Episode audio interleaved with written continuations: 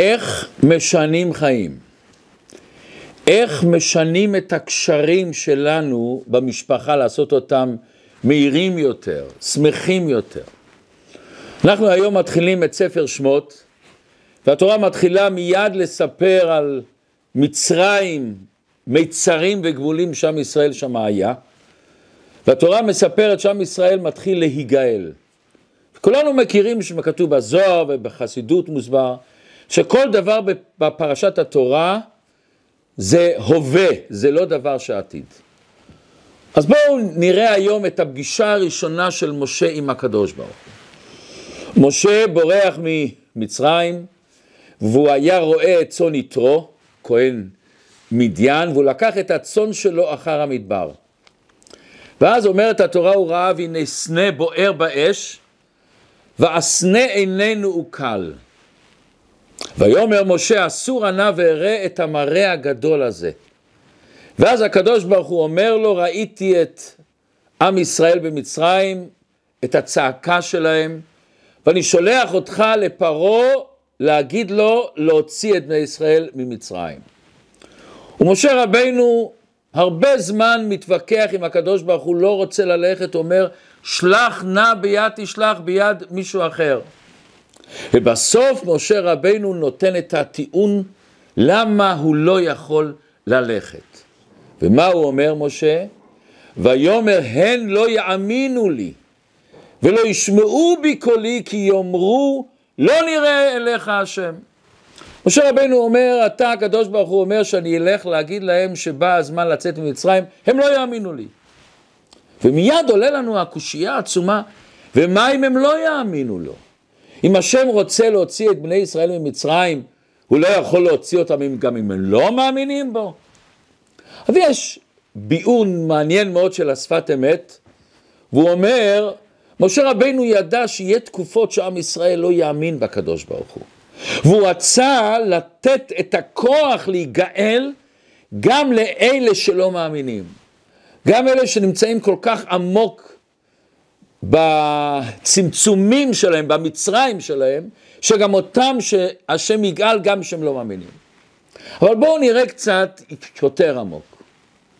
מה באמת הסיבה שהקדוש ברוך הוא אומר למשה שאתה צריך לגאול את עם ישראל רק אם הם מאמינים.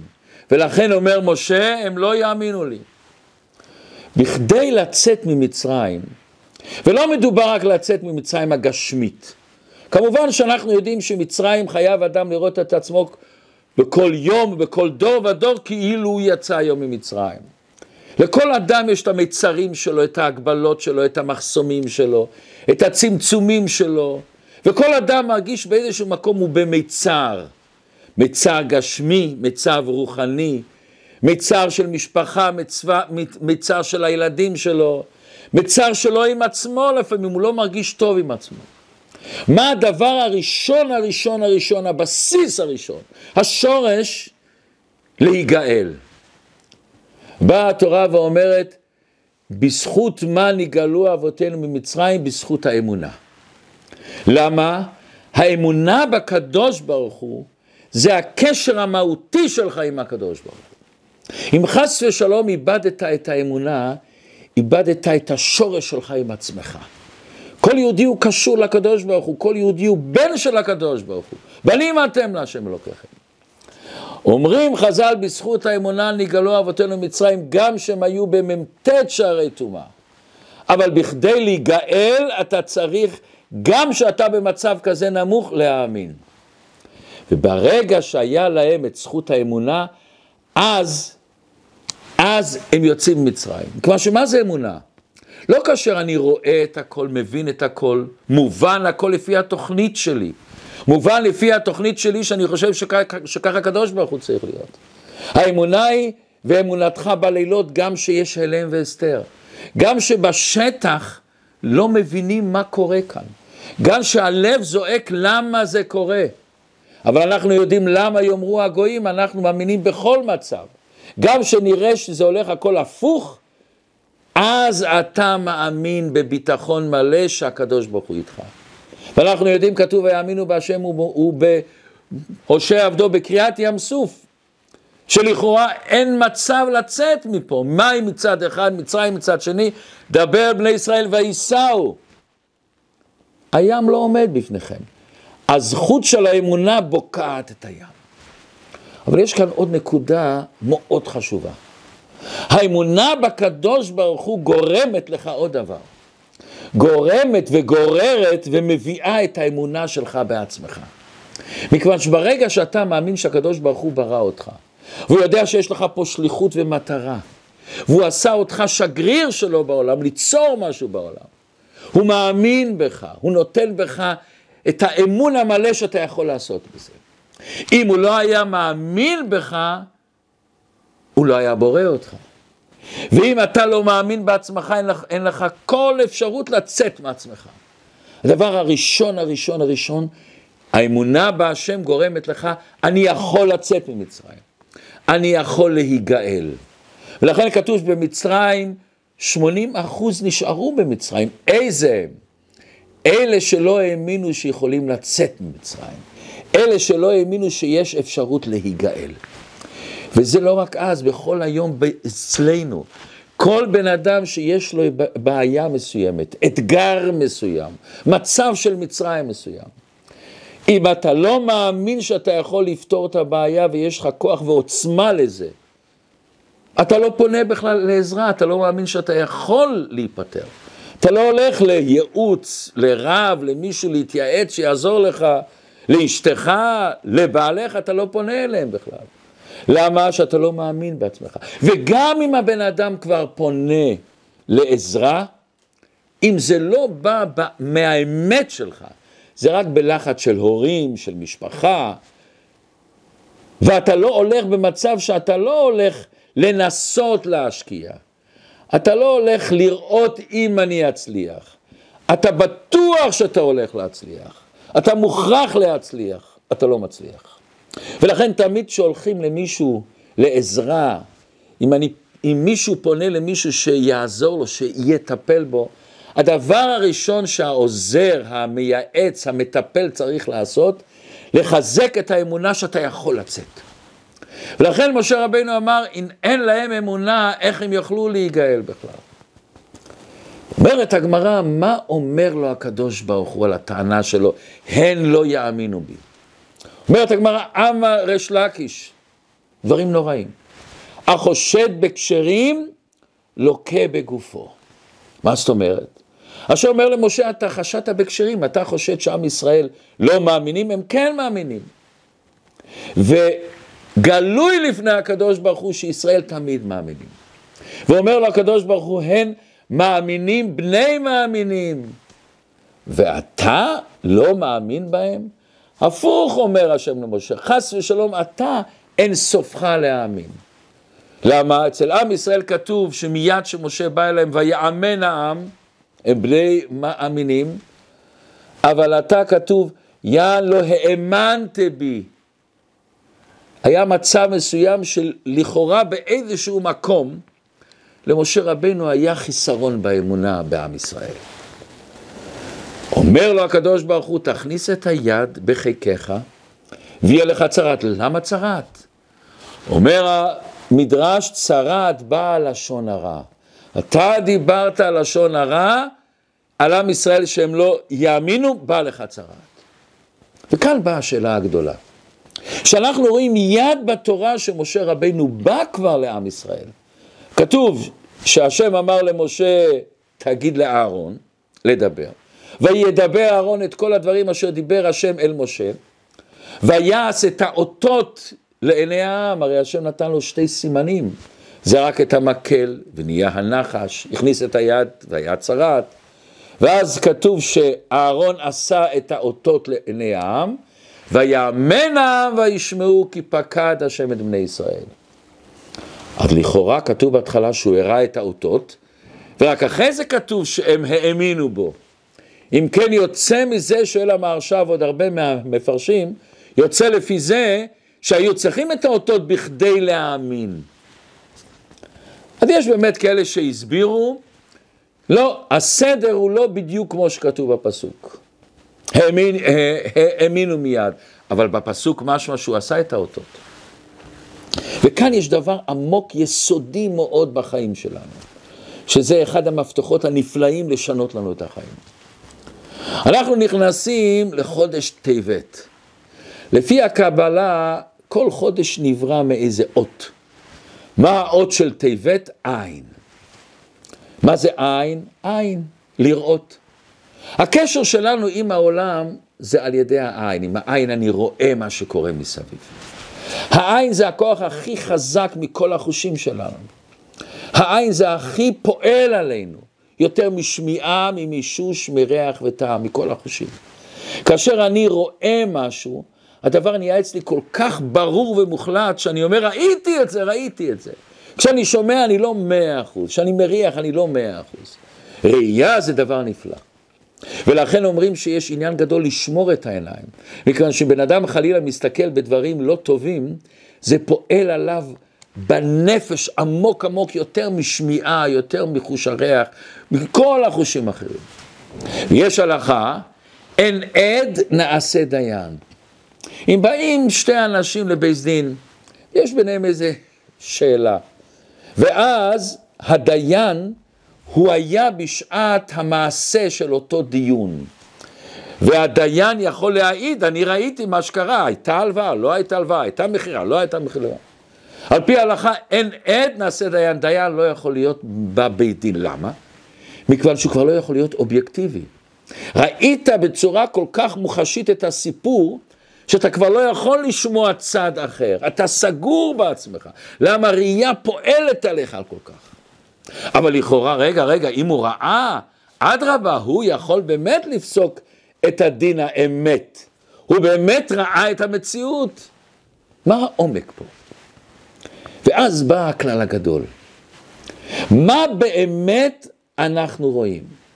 מה באמת כל אדם מאיתנו רואה? אם עשר אנשים נגיד רואים אדם מסוים, ואנחנו נכנסים לבית כנסת עם קבוצה של אנשים ורואים המון אנשים, מה אני באמת רואה? אני רואה אותו דבר? בהחלט לא. ראשית, כשאנחנו נפגשים עם אנשים, נורא מעניין, כל אחד מסתכל על משהו אחר.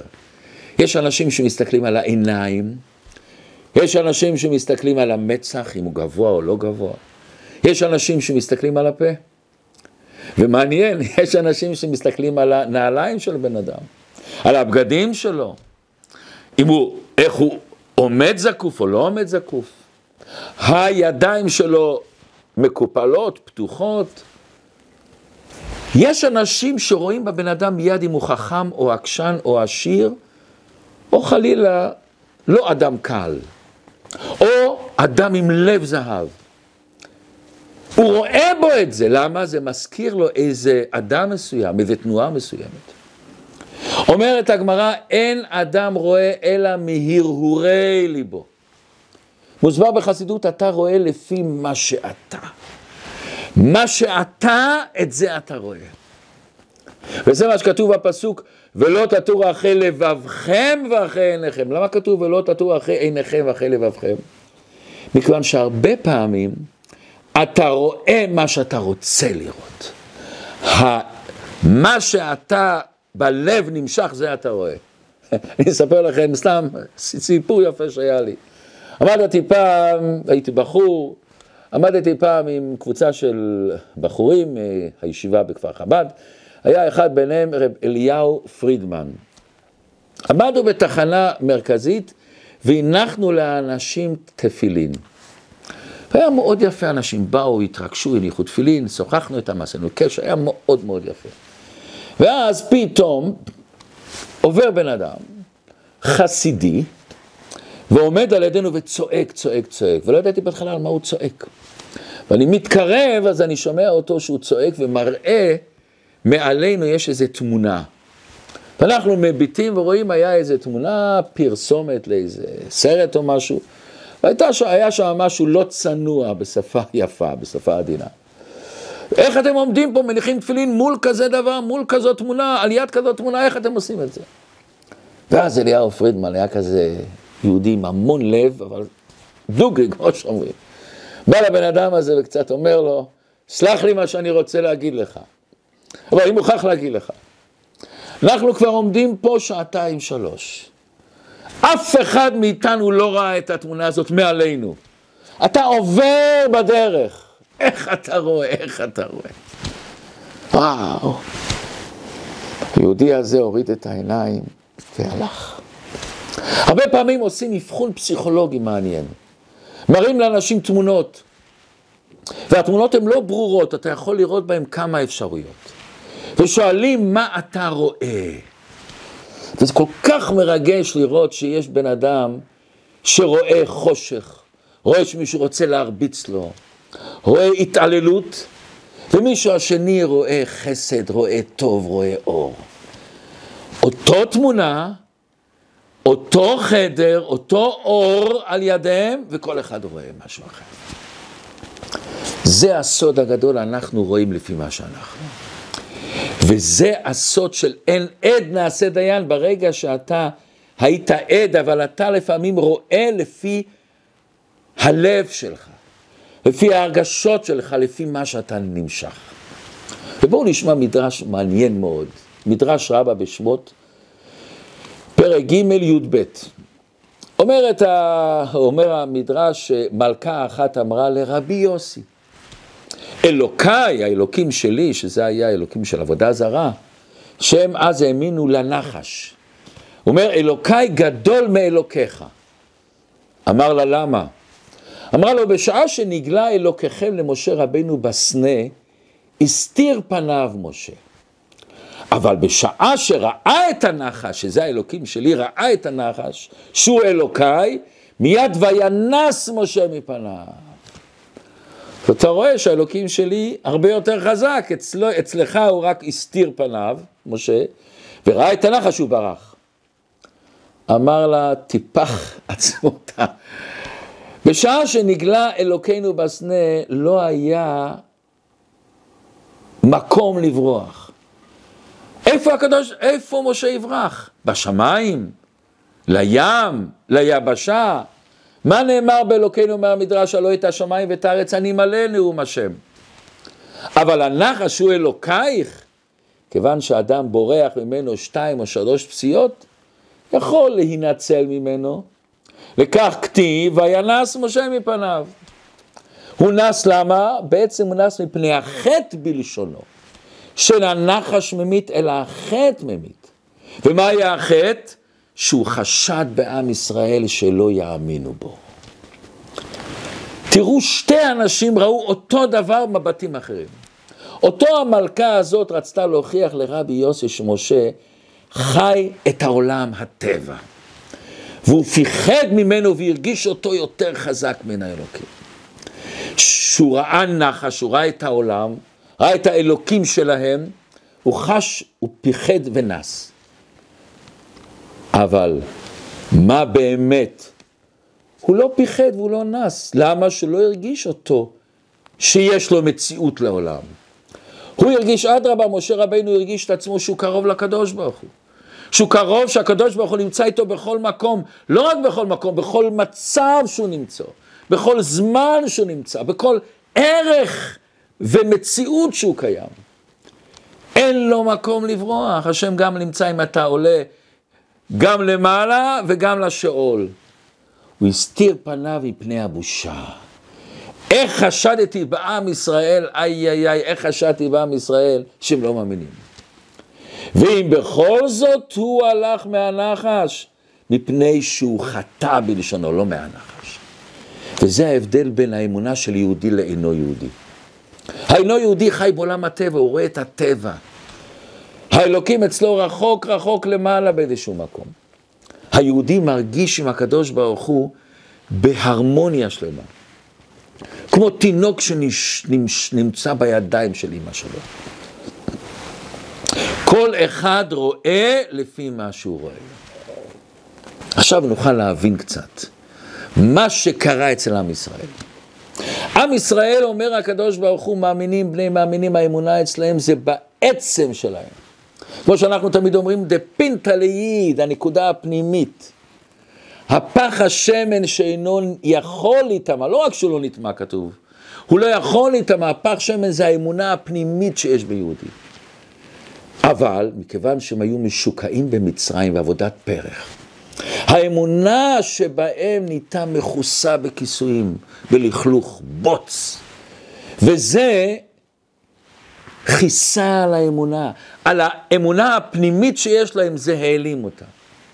בכדי לעורר את האמונה, משה רבינו נתן לו את האותות ומופתים. זה אומר הקדוש ברוך הוא, תעשה את האותות, אבל לא שהאמונה שלהם תהיה בשביל האותות, האמונה שלהם תהיה בגלל שיש את זה בהם, רק האותות מגלים את האותות האלה, מג, מגלים את האמונה שיש בהם. ולכן תראו דבר מאוד מעניין. אותם עשרה ניסים, אותם אותות של נחש והדם, וכל האותות ראה גם פרעה. איך פרעה לא האמין? אם האמונה רק באה בשביל האותות, אז למה הוא לא האמין? מכיוון אותות לא מכניסים אמונה. אותות יכולים לגלות את האמונה. אותות יכולים להדליק בך אם אתה רוצה להידלק, אם אתה מספיק פתוח להידלק. אבל אם אתה סגור, תמצא לכל דבר כל מיני הסברים וכל מיני ביאורים. אני לא אשכח, אחרי מלחמת יום הכיפורים באו לישיבה שני חיילי צה"ל, והחליטו לחזור בתשובה. מה היה? הם היו בתוך טנק, ונכנס איזה טיל בתוך הטנק, והטנק התחיל להישרף. והם רצו לו להרים את הצריח, את הדלת למעלה, והיא נתקעה באיזשהו מקום, ולא יכלו. ומרגישים שהאש מתפשטת וזה הסוף שלהם. החליטו, צועקים שמע ישראל השם אלוקינו השם אחד, ושתיהם צעקו בכל הלב שמע ישראל. לא עבר שנייה, שהם גמרו את המילה אחד, נכנס עוד טיל בצריח, העיף את הצריח. מסתכלים, רואים, שמיים כחולים. קבצו החוצה וניצלו. שתיהם באו לישיבה. אחד נשאר. השני אחרי כמה זמן אומר, תראה, זה יכול להיות מקרה, זה יכול להיות סתם. ויצא. זאת אומרת, יש לנו את הבחירה האם לפתוח את הלב, לקבל או לא לקבל. אני פותח לפי מה שאני. וזה ידוע מה שבעל שם טוב אומר. כאשר בן אדם רואה איזה דבר שלילי בזולת שלו, בחבר שלו, במישהו אחר שלו, זו הוכחה שבדוגמת אותו רע, אותו חיסרון, אותו דבר שלילי שיש, שהוא רואה בשני, יש בו עצמו.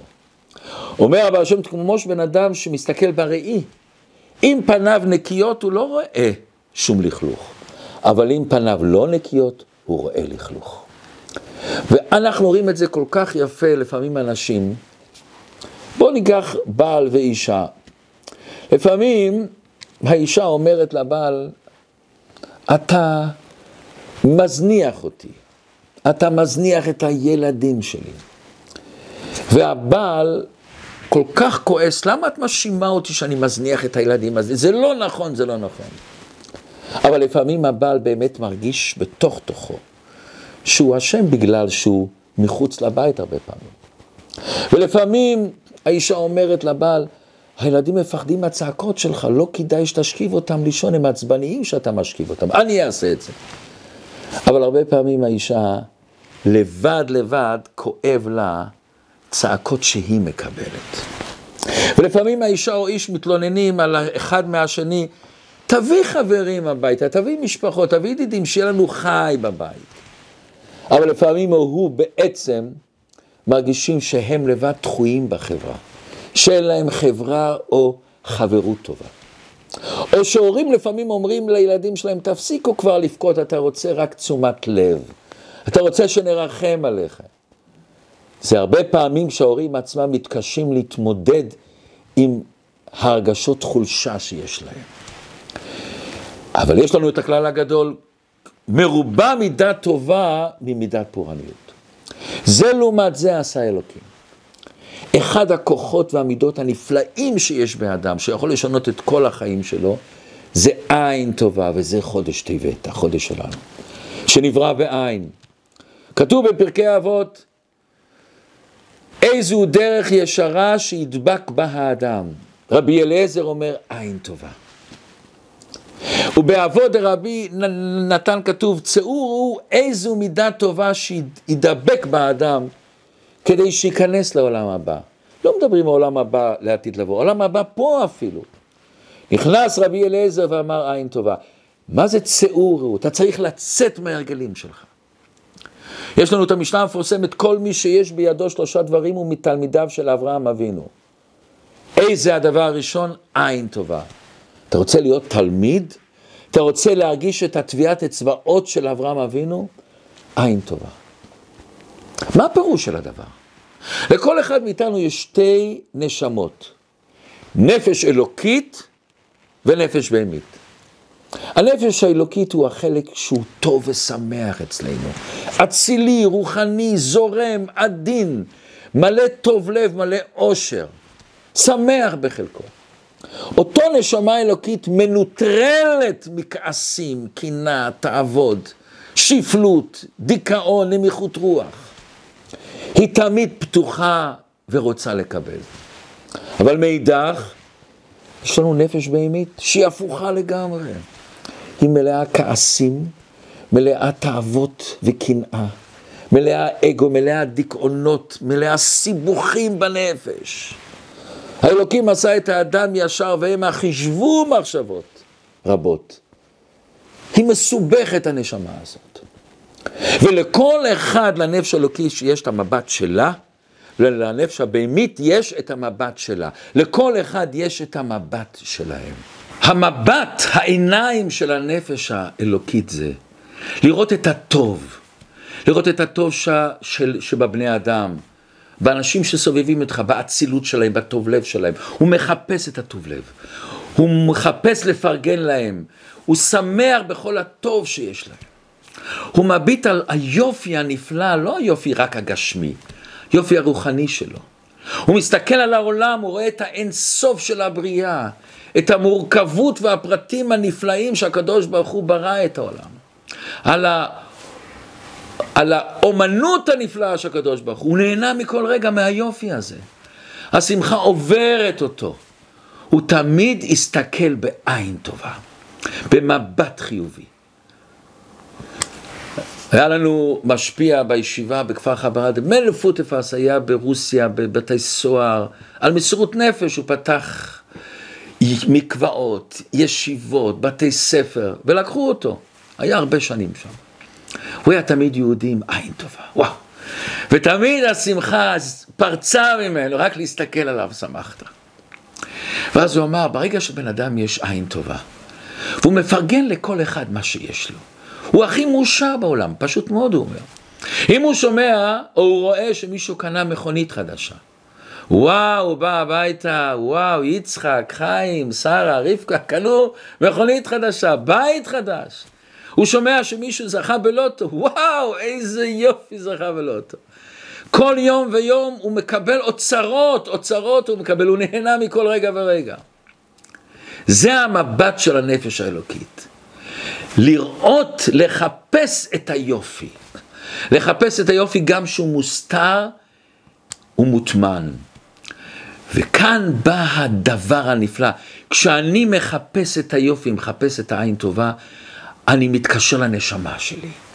אני מתקשר לטוב שיש בי. אני מתקשר לנקודה הפנימית שבטוב שיש בי, זה שאני מתקשר בטוב שיש לשני. ביופי, בשכינה, בקדושה שיש לשני, בעוצמה שיש לי, בהצלחות שיש לשני. זה פותח בי את ההצלחות, בי את היציאת מצרים שלי. אבל אם חס ושלום להיפך, אם בן אדם מסתכל על השלילה והרע, ותמיד יש לו ביקורת, ותמיד הוא כועס מה שנדמה שהיה צריך לעשות ולא עשו, והוא תמיד מקנא בשני, ותמיד יש לו טענות ותביעות על כל העולם כולו.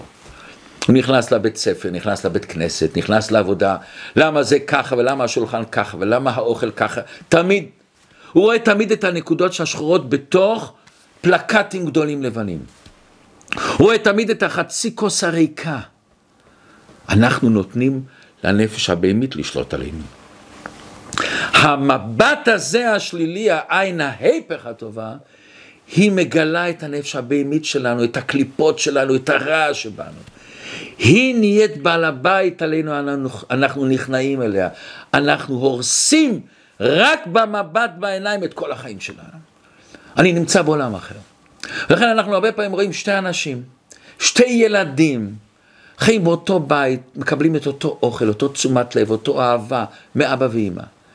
ונראה לך שכל אחד חי בעולם אחר. כל אחד נמצא בעולם אחר. ולפעמים זה מעניין לשמוע שזוג או משפחה היו ב... הלכו לאיזה עיר אחרת, למקום אחר, לחופשה או לאיזה ביקור, לשמחות, לשמחה, והם חוזרים בחזרה ושואלים איפה הייתם, איך היה שם. ויכולים לשמוע, כולם מדברים אחרת, הוא אומר, המזג האוויר שם לא טוב, האוכל לא טוב. הלכו לפעמים איזה חתונה, זה אומר, אוי, המפית לא הייתה בסדר, הפרחים לא היו יפים. מיד אתה רואה, הם היו באותו מקום והם לא באותו מקום. לפעמים אתה חושב, אתה בטוח שהייתם באותו מקום? הבן אדם לא מבין כשאתה כועס, מקנא, מסתכל בעין רע, אתה מזיק לעצמך בסך הכל. אתה בסך הכל מזיק לעצמך. אתה משתק, משקף את השני. יש כזה סיפור שמספרים, היה מישהו שמכר את החלב, גבינה וחמאה. והוא מקבל פתאום הזמנה לבוא לבית משפט. הוא היה אדם ישר מאוד, התנהג תמיד בנאמנות, לא הבין מה קרה לי. הוא לא שיקר אף אחד, לא רימה. הזמינו אותו. מי מזמין אותו? האופה.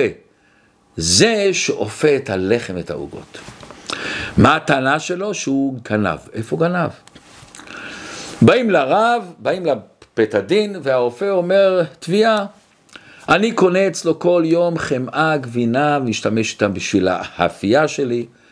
ופעם אחת אני עולה לי החשד, אולי מה שהוא מוכר לי בתור קילו, אולי זה לא קילו. החלטתי לשקול, בדקתי במשך תקופה מסוימת וראיתי שהחמאה פחות מקילו, 900 גרם, 950 גרם. אותו דבר גם הגבינה, זה לא אותו דבר.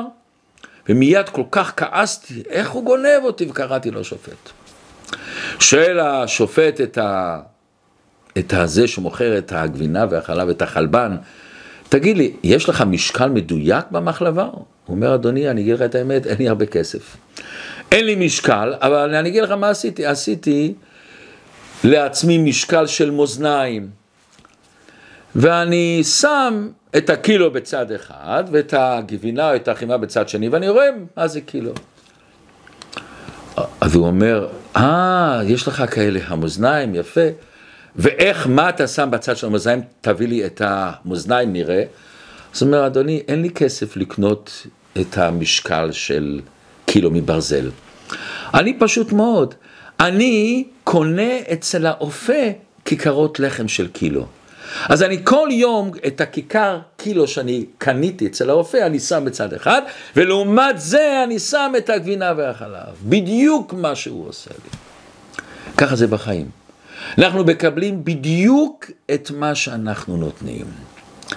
ולכן לפני שאנחנו הולכים להכריח את השני, בואו נחשוב אם באמת זה לא בדק הבית פנימי אצלנו.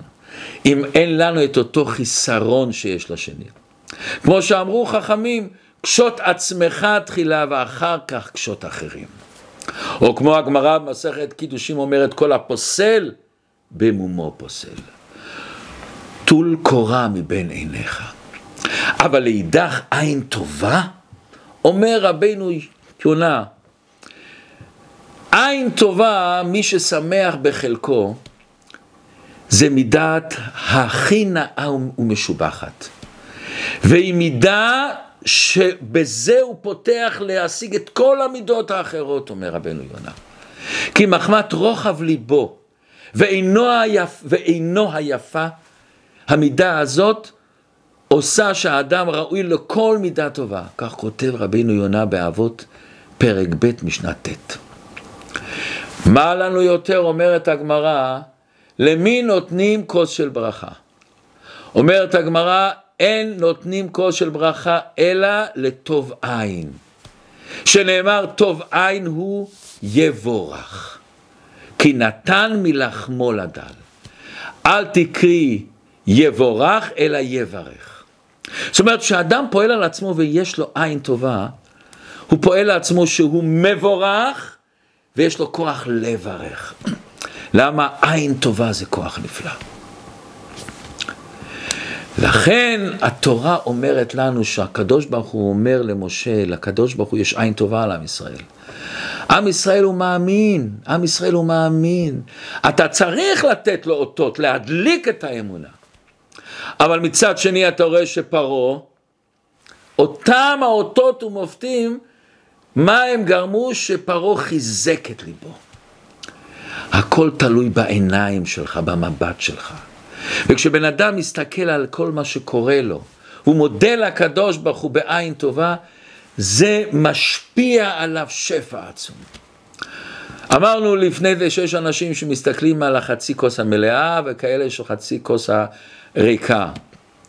אדם בעין טובה, לא רק שהוא מסתכל על החצי כוס המלאה, הוא לוקח כוס יותר קטנה ושופך מהחצי כוס המלאה לאותו הכוס הקטנה יותר, וזה נהיה מלא. עין טובה זה לא שאתה משקר את עצמך, אתה באמת מרגיש את הטוב שלך. עכשיו, זה לא אומר חס ושלום שתהיה עיוור, שתסתכל הכל טוב. אנחנו יודעים כבדהו וחשדהו. בטוח שבן אדם צריך שיהיה לו את החוש ביקורת, אבל החוש ביקורת בלהסתכל בעין חיובית. להסתכל לא מה שהשני לא טוב, אלא להסתכל מה אני יכול לעזור לשני שהוא יהיה טוב. לראות את הטוב שיש בשני, שזה יגרום לי שאני יכול להסתכל עליו במבט חיובי, ואז אני אוכל להוכיח אותו באהבה. להדליק לו את האור הטובה. יש כזה סיפור, בדיחה. מישהו אומר לקדוש ברוך הוא, ריבונו שלנו, אני כל כך מודה לך על האישה הנפלאה שנתת לי, כל כך טובת לב, כל כך נותנת. ריבונו שלנו, אני מודה לך שעשית לה כל כך לב טוב. אומר הקדוש ברוך הוא, כן, מכיוון שאז אתה יכול לאהוב אותה. היי, וריבונו שלנו, ועשית שיש לו כל כך חוש בחינוך הילדים שלנו. לחנך אותם, להדריך אותם, להדליק בהם את הטוב. אומר הקדוש ברוך הוא, כן, מכיוון שככה יש לך ולה נחת מהילדים. וריבונו שלם, למה עשית שהיא יודעת לבשל כל כך טוב? אומר הקדוש ברוך הוא, אז תוכל לכבד אותה, ואז תוכל להביא אורחים הביתה, לעשות הרבה אווירה טובה. ואז הוא אומר, ריבונו שלם, אני לא מתכוון להיות כפוי טובה או משהו כזה, אני באמת מודה לך, אבל יש לי עוד שאלה, ריבונו של עולם. למה עשית אותו שהיא כל כך טיפשה? אומר הקדוש ברוך הוא, שרק לכן היא הסכימה להתחתן איתך. בן יקר שלי. זה העוצמה שלנו להודות לקדוש ברוך הוא שיש טוב. אבל מצד שני, זה שאתה מודה לקדוש ברוך הוא, ואתה מסתכל בעין טובה על כל מה שקורה מסביבך, אתה רואה את הביקורת, אבל אתה רואה את הביקורת על מנת לתקן אותה. לגדול ממנה, לצמוח ממנה. ואני אספר לכם סיפור. ראש ישיבה אחד, מספרים לו שאחד מהבחורים הולך בשבת קודש, ביום שישי בלילה, בשבת בלילה, הולך לראות סרטים. והראש ישיבה מזדעזע, אבל אומר, אל תגידו שום דבר. רק אם אתם רואים אותו שהוא עוזב את הישיבה, בבקשה תלכו להגיד לי. והם באו ואמרו לו, ראינו אותו הולך אל, ה, אל הכיוון הזה של הסרט. והראש ישיבה לובש את המעיל והולך אל הסרט. הסרט כבר התחיל ואז הוא נכנס אל הכניסה ואומר אני רוצה להיכנס, אומרים לו הרב זה עולה כרטיס, הוא אומר תראו זה שבת ואני לא בא, אתם יודעים, אתם רואים אותי, אני לא בא לראות סרטים, הרי יש לי איזה בחור פה שאני צריך להגיד לו משהו. בסדר. ואז הוא נכנס ורואה את אותו בחור, ובא ומתיישב על ידו. הבחור מסתכל בסרט, והוא לא שם לב, פתאום מסתכל בצד ורואה, וואו, הוא רואה אותו פה. וואו, הרב, הרב. הוא אומר כן, אני באתי, שמעתי שאתה פה. רציתי רק להגיד לך, אני יודע שאתה מאוד מקפיד על כשרות. רציתי להגיד לך שהפופקורן שמוכרים כאן הוא לא כשר. רק את זה רציתי להגיד לך. שיהיה לך שבת שלום ויצא החוצה. הילד יושב שם, בוער באש של גיהינום. כמה דקות הולך החוצה, וחוזר עם הראש ישיבה שלו ל, לישיבה. והרב לא מדבר איתו מילה אחת על מה שקרה, וזה שינה אותו. מה היה פה הסוד? הוא יסתכל בעין תורה שאותו ילד לכל הפחות שומר על כשרות. יש לו יצר הרע לחלל שבת בשביל ללכת לסרטים. הוא יסתכל על הטוב שלו. והטוב שלו, הוא ראה פתאום את האוצר שהוא צמח מזה, את הגדלות שהוא צמח מזה. בעין טובה אנחנו יכולים לראות את הטוב שבשני ולהדליק אותו. אבל גם עלינו להסתכל בעין טובה. כל אחד תסתכל על המעלות שלך, על הדברים הטובים שעשית, על המצוות שעשינו, על החסד שעשינו, על המאור פניים שעשינו, על העין טובה שהיום הסתכלנו על השני, על הפרגון שפרגנו לשני. זה מדליק לנו את הנשמה האלוקית שלנו, וזה ייתן לנו כוחות לעשות יותר ויותר. שיהיה לנו הרבה הצלחה, ושנזכה לראות בעין טובה את כל העולם שלנו, גם את עצמנו, ולראות שגם החסרונות שלנו וגם החסרונות של השני הם בעצם כלי ואפשרות לגדול יותר. בהצלחה רבה.